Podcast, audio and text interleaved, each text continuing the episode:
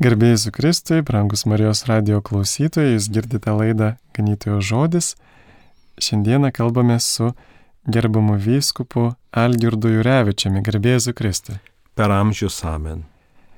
Ir labai džiaugiamės, kad atvykote pas mus į studiją pasidalinti įspūdžiais ir apie sinodą, ir apie Kristaus karaliaus šventę iškilmę.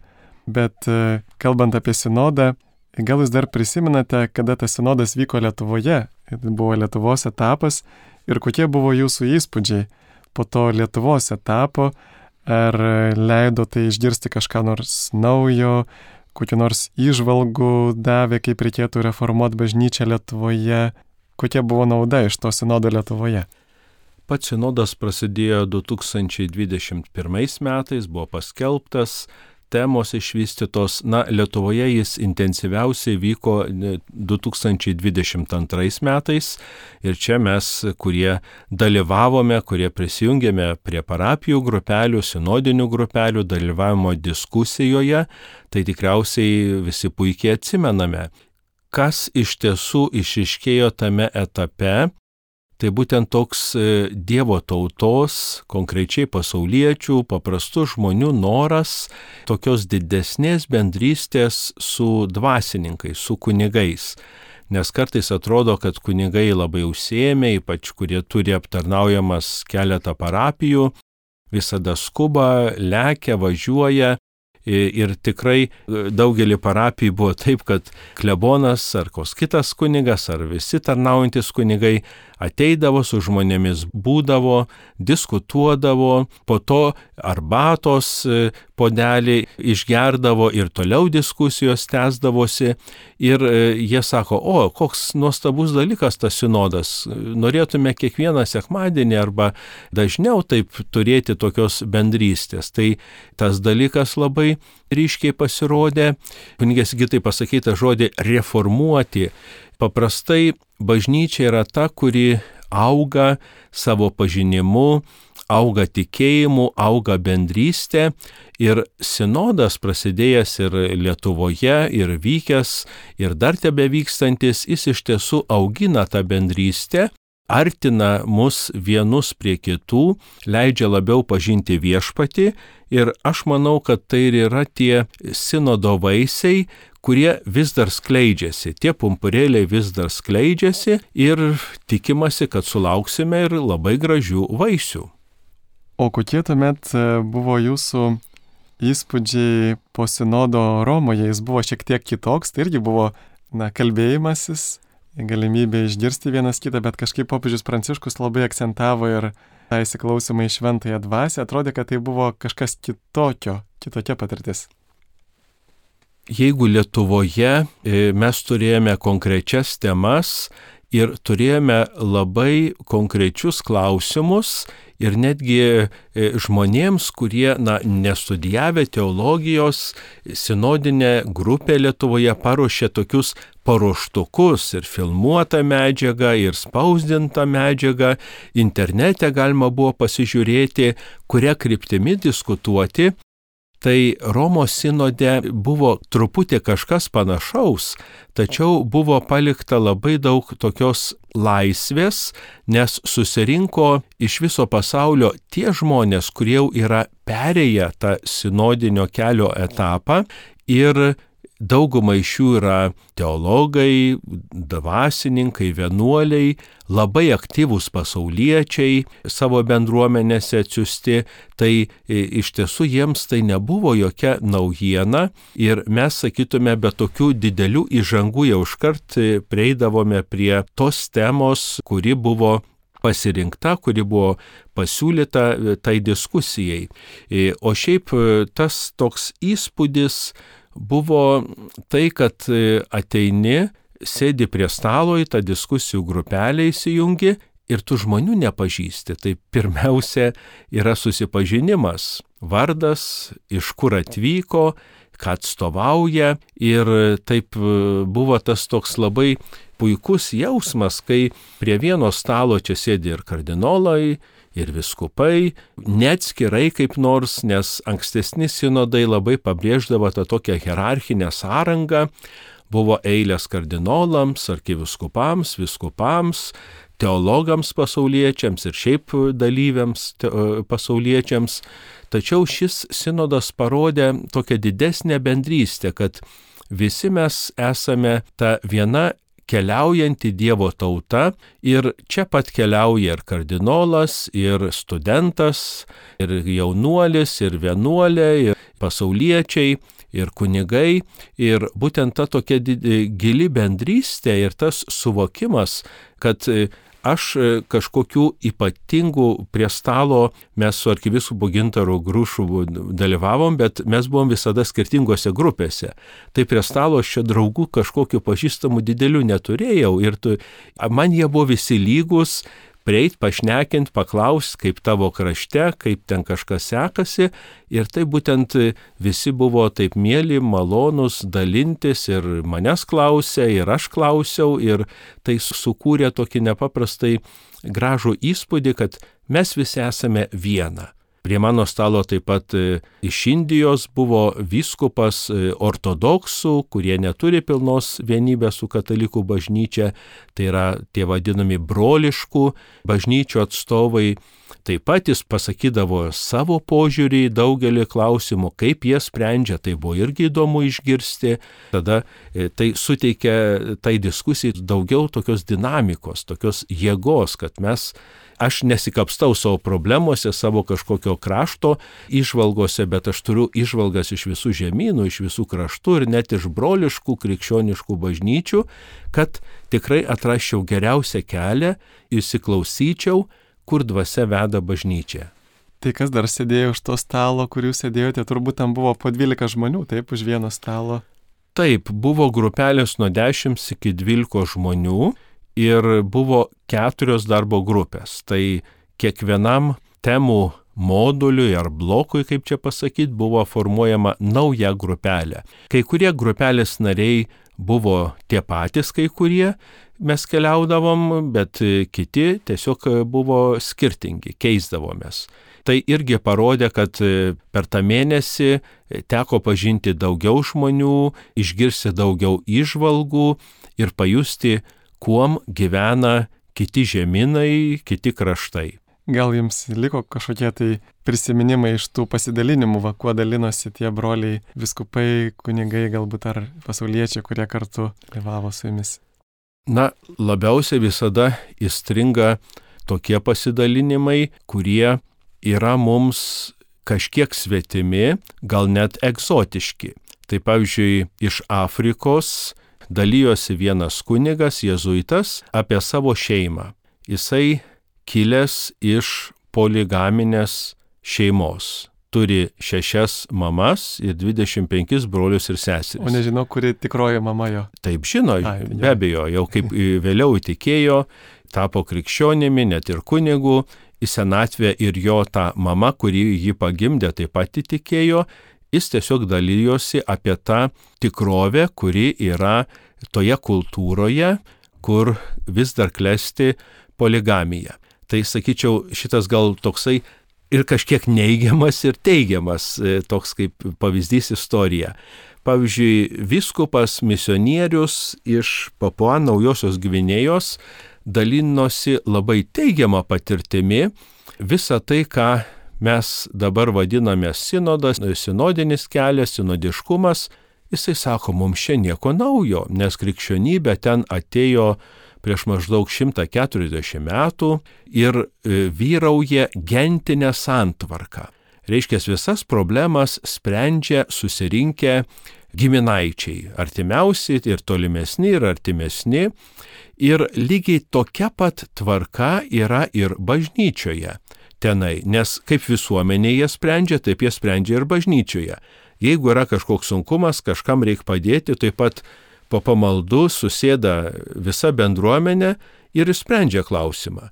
Jų visuomenėje nėra vaikų namų, nėra senelių namų, nes jeigu kokioje šeimoje atsitinka nelaimė, lieka našlaičiai, taip pat gentis, na, sakytume, visos giminės susirenka pasvarsto, nusprendžia, vaikus pasidalina, pagelbsti, senelius globoja ir Tai yra sinodiškumas. Tai jisai taip jokaudamas sako, man čia nieko naujo, o štai mes Europoje arba tose įsivyščiusiuose kraštuose mes čia kuriam struktūras tiems, e, sakytume, mūsų susvetimėjimo padariniams palengvinti e, įvairias socialinės įstaigas. Jie tokių dalykų ne, nežino, nes jie gyvena kaip sinodiškai, gyvena taip, sakytume, e, neprimityvioj visuomeniai, bet jie gyvena tokioj natūralioj, prigimtiniai visuomeniai. Jeigu kažkam skauda tavo artimui, tu iš karto puoli padėti. Tau per sunku, tu iš karto susikvieti visą giminę, aptari, pasidalini tai sunkumais ir jie yra įspręsti.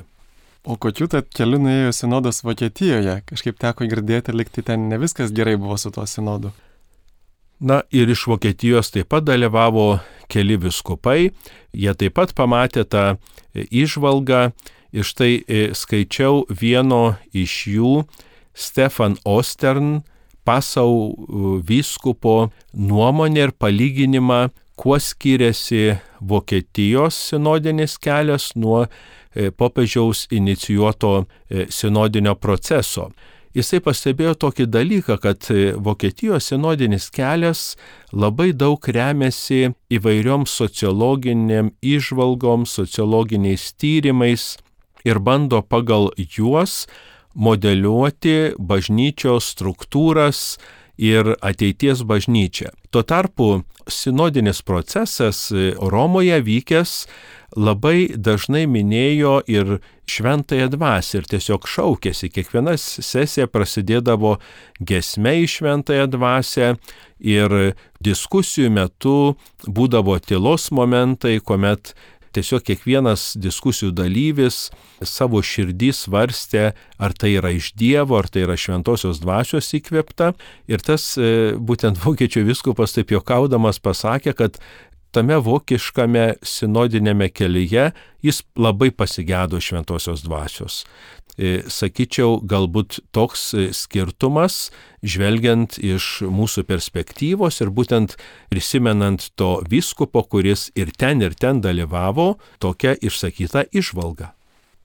Tai apibendrinant, kaip galėtume pasakyti, ką šitas sinodas duos arba jau duoda bažnyčiai, koks yra jo tikslas? sinodas tai nėra kažkoks išbaigtinis įvykis, bet tai yra procesas. Ir štai šis sinodas, kuris vyko Romoje, tai buvo tik tam tikra stotelė ilgame kelyje. Ir štai neužilgo ir Lietuvoje bus e, jau yra verčiamas, netrukus pasirodys e, tas tekstas, kurį e, sinodo tėvai ir motinos priėmė, bet šis tekstas yra tik tai na, tam tikras kelionės etapas. Po metų vėl bus kitas e, sinodo e, susirinkimas e, ir po jo gims be abejo dar naujos išvalgos, bus šios pagilintos išvalgos perduotos popiežiui, na ir popiežius tada peržvelgęs rekomenduos jau tas išvalgas imti ir taikyti visoje bažnyčioje. Tad toks kaip tikslas yra, e, kad bažnyčia suprastų savo giliau tapatybę ir ypatingai e, ta tapatybė ir tam, tam tikrą kryptį yra nubrėžęs Vatikano antrasis susirinkimas. Ir buvo pastebėta, kad susirinkimo dokumentus perskaitė daugelis, perskaitė, bet juos reikia vykdyti, o vykdyti mums nelabai sekasi pavyzdžiui, pasaulietčio paštalavimas, kad kiekvienas pasaulietis yra ir misionierius savo aplinkoje, nu paskaitėm gražu, padėjom, pasauliečiai irgi pasidžiaugia, bet nieko tokio apčiuopiamo, na, nepasijuto, kad vyktų. Būtent popiežius Pranciškus nekarta pabrėžė, kad jis nenori pagimdyti ar prirašyti daugiau dokumentų, bet nori daugiau remtis tą patirtinę išvalgą, kad dėl ko mes keletą kartų renkamės, dėl ko buvo parapijose tos sinodinės grupelės ir diskutavo, dėl to, kad mes patirtume, kas yra bažnyčia, kalbėtumėmės, mokėtume išklausyti viens kitą ir per tai išgirsti ir šventosios dvasios vedimą. Tad iš tiesų šis sinodas nieko naujo ir nesiekia, jis siekia būtent paimti visą tai, kas yra jau Naujajam testamente, kas yra bažnyčios tradicijoje, kas ypatingai buvo dar kartą pakartota, išreikšta ant antro Vatikano susirinkimo dokumentuose ir pabandyta įgyvendinti. Tai būtent tas esančios bažnyčios misijos įgyvendinimo toks procesas ir, ir žingsnis. Jūs paminėjote antro Vatikano susirinkimą. Iš tiesų, mes ir per Marijos radiją stengiamės antradieniais ir ketvirtadieniais per katechezių laidas 9 e, val. E, vis analizuoti, pristatyti tam tikrą skyrių iš antro Vatikano susirinkimo dokumentų, tai klausytojai gali įsijungti katechezių laidas ir vėl iš naujo įsigilinti į šitą susirinkimą, kuris jau vyko daugiau negu, na, pradiškai prieš 60 metų ir va, kuris vis dar aktualus, nes dar nėra įgyvendintas. Na kaip ir Evangelija dar nėra įgyvendinta mūsų gyvenime, kiekvieno iš mūsų. Kaip e, dažnai paklausi žmogaus, tai ar, ar skaitai šventą raštą. Na sako, taip, turiu lentynoje, tai, bet iš tiesų net neužtenka ir dar skaityti, bet turim jį ir įgyvendinti. Jau šį sekmadienį bažnyčia mini Kristaus karaliaus iškilmę. Kodėl ji visada būna liturginių metų pabaigoje prieš Advento pradžią?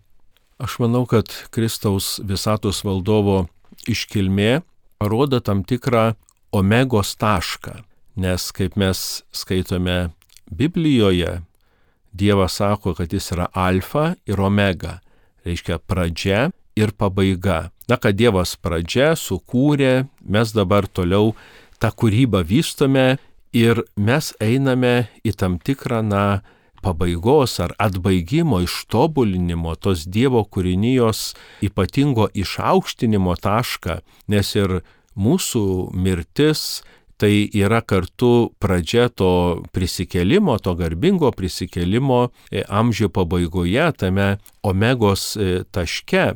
Ir todėl norima pasakyti, kad kaip Dievas buvo pradžioje ir yra pradžioje veikiantis, taip yra jis veikiantis ir e, tame taške, į kurį mes keliaujame, tai kad viskas galiausiai sueina į Dievo rankas, į viešpaties rankas, nes dažnai, kai išgirstame tą žodį pasaulio pabaiga, ar čia viskas baigsis, anot apašlo Pauliaus ir elementai sudegs, viskas čia jau, tai čia truputį šiurpa kelia, bet pasirodo, kad mes keliaujame į mūsų viešpatės Jėzaus Kristaus karalystę, į Dievo karalystę, kur jis bus visa visame kame. Nebus jokių priešpriešų, Dievas karaliaus. Tai, kad mes skaitome ir apreiškimo knygoje, paskutinėje knygoje apie tą naująją Jeruzalę, apie visuotinę Dievo karalystę, tai būtent ir e, liturginė nori pabrėžti tą, kad liturginiai metai kaip ir kada nors visas laikas, visi metai baigsis Kristaus e, viešpaties triumfu, jo karalystės triumfu. Čia turbūt buvo pagrindinė Jėzaus tema Evangelijoje. Skelbiant Evangeliją, jis skelbė Dievo karalystę. Ir visgi, kas yra toji Dievo karalystė šiais laikais, kai jau nebėra daug likę karalių, mums kažkaip yra irgi sunku suvokti, kas yra toji Dievo karalystė, kur jinai. Apaštalai Kristaus to paties klausė. Kristus sako, ji jau yra tarp jūsų ir ji jau yra jumise. Aš manau, kad Dievo karalystė yra visur ten, kur žmonės gyvena pagal Evangeliją, kur praktikuoja artimo meilę, maldą, vieni kitiems padeda, atjaučia, atleidžia ir patys prašo atleidimo, susitaiko nes šitie dalykai, na, nėra šio pasaulio, sakytume, to laukinio vakarų pasaulio ar kapitalizmo, kaip kartais tokios klišios būna dalykai. Tai yra kažkas giliau, to gilaus žmogiškumo dalykai, prigimtiniai dalykai. Todėl Dievo karalystė neprasideda kažkur ten jau po mirties arba pasaulio pabaigoje, kai ateis antrą kartą viešpats Jėzus Kristus, bet ji, kaip ir Jėzus nekarta sakė paštalams, ji jau yra tarp jūsų. Jūs tik gyvenkite, tik praktikuokite, tik priimkite ją į savo širdį, tą atsivertimą išgyvenkite ir pamatysite, kad e, e, aplink jūs vyksta stebuklai ir, ir ta Dievo karalystė yra jau čia pat. Ir tie, kas pradeda čia gyventi Dievo karalystėje, tai tai, kas ten nevyksta, tiesiog prasitęsia tūkstantuoju laipsniu, sakytume. Neišpasai e, tokių begalybėje matematinę progresiją, bet viskas turi prasidėti čia. Nuo atsivertimo žmogaus širdyje iki didesnių dalykų. Elimarijos radio klausytojai, jūs girdite laidą Ganytojo žodis, aš kunigas Sigitas Jurkštas, kalbuosiu su gerbiamu telšių vyskupu Jo ekscelencija Algirdu Jurevičiumi ir dabar mes padarykime trumpą muzikinę pertraukėlę.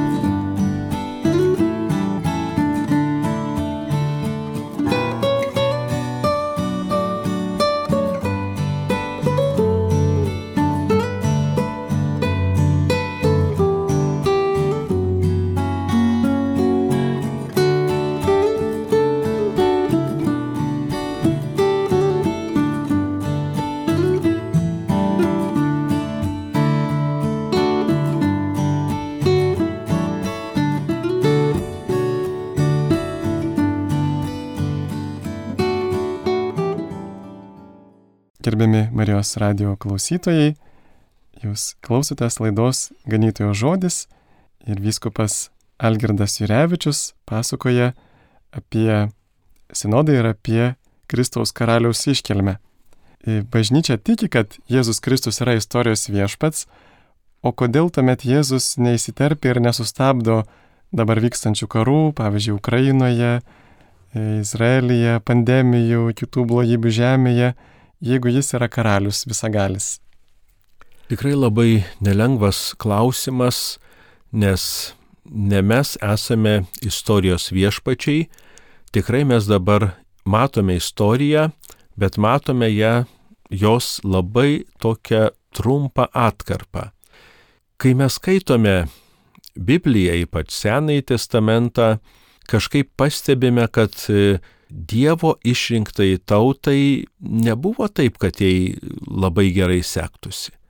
Tai buvo ir Babilonijos nelaisvė, ir tremtis, ir e, taip pat Jeruzalė buvo sugriauta ir šventykla sugriauta ir Dievas neįsikišo. Tačiau vis tiek pati Biblija interpretuoja, kad tos patirties reikėjo ir to vargo reikėjo, nes žmonės ir nuo Dievo nusisuko, jame garbinti kitus dievus.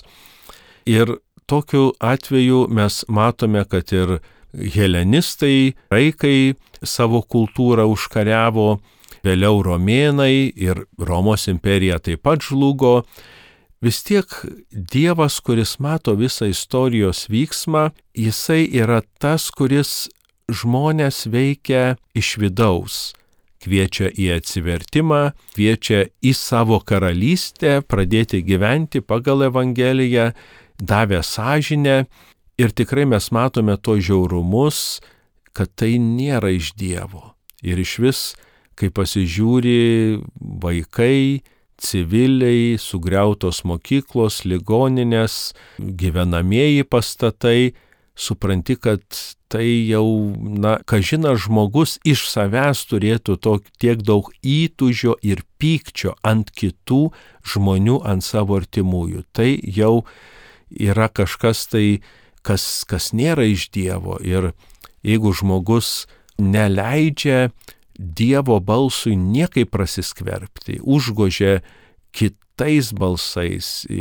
įsileidžia tiesiog, na, sąmoningai ar nesąmoningai tą pyktį, neapykantą, kerštą, tikrai pasaulis eina link susinaikinimo ir tada supranti, ką reiškia, jog Sodoma, Gomora nebuvo sunaikinti miestai dėl tų kelių teisiųjų. Jeigu ten rasis tiek teisiųjų, Dievas apsaugos tuos miestus. Tai yra labai svarbus dalykas tas visuotinis pašaukimas į šventumą. Ir gaila, kad kai kurie žmonės tam yra akli ir kurti. Bet visgi nepraraskim vilties, kad Dievas net ir pačius blogiausius dalykus geba pakreipti į gėrį. Ir tie žiaurumai, tie karai, tuos Dievas tikrai visi melžiamės, kad jie kuo greičiau liautųsi, kiek daug mumise paskatina to gerumo, padėti žmonėms, padėti pabėgėliams, karo pabėgėliams, padėti tiems, kurie ten yra likę, ypač dabar žiema, šalta darosi ir reikalinga įvairi pagalba, taigi kažkaip viešpats veda visą pasaulį būtent iš vienos pusės kviečia į šventumą ir kartu leidžia pamatyti, kas vyksta, kuomet yra tas pasiūlymas atmetamas. Žinoma, turėkime drąsos priimti solidariai ir tą kitą žmogaus pusę, kuri veda į destrukciją. Ir kartu turėkime tos vilties, kad Dievas net ir tai gebės ir geba išvesti gerą. Taip ir liūdna tikrai būdavo matyti, kad ir Karitas, pavyzdžiui, Lietuvoje organizuodavo akcijas, prisimenu čia prieš visai neseniai, prieš keletą mėnesių ar prieš keletą savaičių, negi buvo tokia akcija e, surinkti šimtą tūkstančių eurų Ukrainai, kad būtų galima padėti įvairioms šeimoms. Ir prisimenu, Karitas tas surinko tik tai penktadalį. Kažkaip mums irgi kartais pritrūkso tos ištvermės paremti, va, parodyti tą solidarumą ir tikrai būt e, tai ugdo tos nelaimės kartu ir mūsų tokį ištvermingumą, darant gerą. O ką daryti, kad Kristus karaliautų kiekvieno iš mūsų gyvenime, jeigu Dievo karalystė yra ten, kur Kristus karaliauja, ką daryti, kad jisai karaliautų mūsų gyvenime? Sinodinėse diskusijose ir Romoje, kurios vyko, labai buvo pabrėžiamas atsivertimas, kad bažnyčios atsinaujinimas neteis iš struktūrų kažkokio pasikeitimo, neteis iš kažkokių sociologinių apklausų ar to socialinio bažnyčios matmens, bet būtent atsinaujinimas ateina ir gali ateiti tik iš Dievo ir tai per žmogaus atsivertimą, širdies atsiverimą, mąstymo pakeitimą, krypties pakeitimą, nes kitaip mes negebėsime ištverti tame krikščioniškame gyvenime, negebėsime ištverti gerame, jeigu tikrai viešpats nestiprins.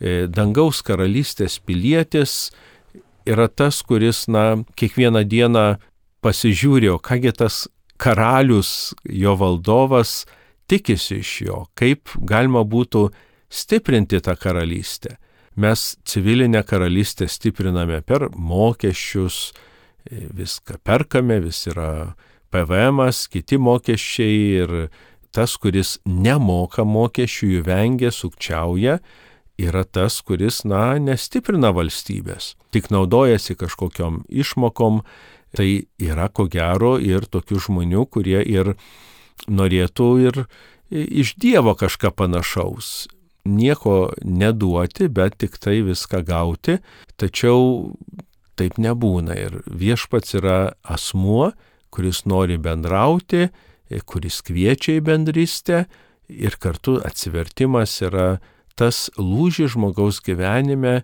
kuomet jisai savo gyvenimą atiduoda Dievo reikalui, jo misijai. Ir dar turbūt, kad galėtume paklusti Kristui karaliui, turbūt turime išmokti paklusti visų pirma savo, tai yra susivaldyti, išmokti vadovautis protu, o ne įnoriais. Turbūt čia laikiniam žmogui labai sunku yra turėti tokios daugiau disciplinos susivaldymo, nes šitiek daug išsiblaškimų, šitiek daug pagundų, tiek daug gali įgyvendinti savo įvairiausių norų, gerai gyvendamas. Na taip, kažkas yra pasakęs, kad nugalėti kitą prie, kariuomenę kitos valstybės yra lengviau negu nugalėti save patys, savo įgeidžius, savo norus. Tikrai taip yra ir mes kartais kalbame apie tokią na, sveiką askezę, nes nebūtina pamatyti visas televizijos laidas, nebūtina peržvelgti visus interneto puslapius, ten naujienų portalus ar ką nors taip, nebūtina išragauti visų E, gardžiausių valgių, kurie yra reklamuojami, bet... Na, aišku, tiesiog... nebus blogai, jeigu pažiūrėsit visas, paklausysit visas Marijos radio laidas. Taip, čia Marijos radijas ko gero yra išimtis. Taip, tame. išimtis. Tačiau vis tiek tas pasirinkimas ir supratimas, ko man reikia ir kas iš tiesų atitinka, na, Dievo valią, va tas ištyrimas, tas įsiklausimas ir noras, nes stebėtinų būdų sutampa Dievo valia su tuo, kas tinka labiausiai mūsų prigimčiai. Ir tos Dievo valios ieškojimas ir gyvenimas pagal ją tai taip pat ir labai prisideda prie mūsų e, vidinės ir sveikatos, ir fizinės kartu, ir, ir psichinės, psichologinės savijautos. E, nes minėjai apie tam tikrą discipliną, tai pasižiūrėkim, ką darė vienuoliai savo regulose. Jie turėdavo labai aišku laiką, kada keltis, kada melstis, kada valgyti, kada dirbti ir vėl melstis ir vėl dirbti, o ilsėtis ir vėl eiti gultis. Ir kuomet žmogus gyvena, tai nereikia nei gaidžių, nei žadintuvų, pats organizmas savaitę kitą tai pagyveni, pats organizmas tau pasako, dabar eikim palsėti, dabar eisim melstis arba dirbti. Tai irgi parodo, nes kai nuvažiuoji į kokius rekolekcijos namus, tai pirmiausiai, ką ar vienuolyną, vienuoliai sako, tai eik įsimegok. Ir įdomiausia tai, kad pirmą parą dažniausiai taip ir būna, kad miegi ir po to jau pradedi gyventi pagal ritmą. Nes tas e, mūsų gyvenimas daugelio žmonių neturi tai vadinamos disciplinos arba regulos.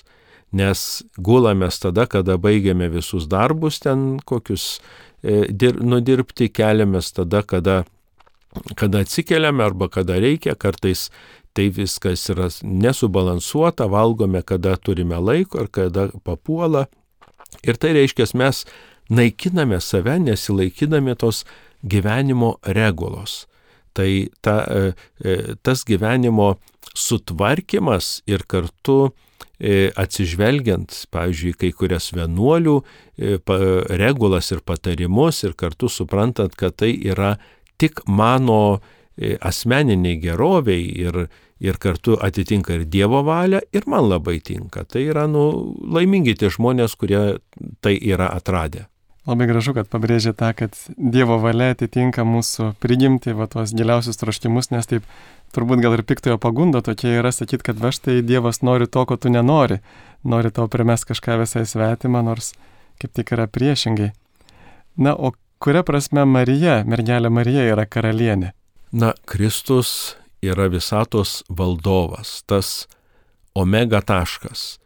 Taigi mergelė Marija, kuri pagimdė viešpati Jėzų, ji taip pat yra tituluojama e, karalienė. Taip e, panašiai kaip ir mes sakom gailestingumo motina, nes pagimdė mums dievo, dieviškai gailestingumą, tapusi asmeniu Jėzų Kristų. Tai čia taip pat irgi Marijos tas vaidmuo e, krikščioniškoje tradicijoje įvardyjamas kaip ta, kuri yra karalienė, pagimdžiusi mus, mums dangaus ir žemės karalių. Tuo labiau, kad, kaip žinome, mergelė Marija buvo paimta į dangų, e, tai tas karalienės titulas dar labiau yra sustiprintas šios tikėjimo tiesos, kad, na, mes kai sakom karalius arba tai jau žinom, kad tai yra jau viršūnė visoko. Kai apie Mariją įvardyjam ir tituluojam ją karalienę, irgi suprantam, kad tai yra viršūnė. Kartais kitais žodžiais mūsų kalboje sakoma, kad švenčiausiai mergelė, reiškia švenčiausiai jau tokiam aukščiausiam laipsnė. Ir e, žinoma, apie Mariją daug yra įvairių sinonimų, bet mintis ta pagrindinė, kad tai yra irgi kūrinijos viršūnė. Būtent karalienė, dangaus ir žemės karaliaus motina. Tai labai Jums dėkojame. Gerbiami klausytojai, girdėjote laidą Ganytojo žodis. Prie mikrofono buvo aš kuningas Sigitas Jurkštas. Kalbėjome su telšių vyskupu gerbiamu Algirdu Jurevičiumi. Gal dar galėtumėte pabaigai suteikti palaiminimą klausytojams. Viešpat su jumis. Ir su tavimi. Garbė viešpaties vardui. Dabar ir per amžius. Te padeda mums viešpats. Dangaus ir žemės kuriejas. Te palaimina jūs visagalis Dievas. Tėvas ir sunus ir šventoji dvasia. Amen. Te lydijus viešpaties malonė. Dėkojame Dievui. Sudė. Sudėjau.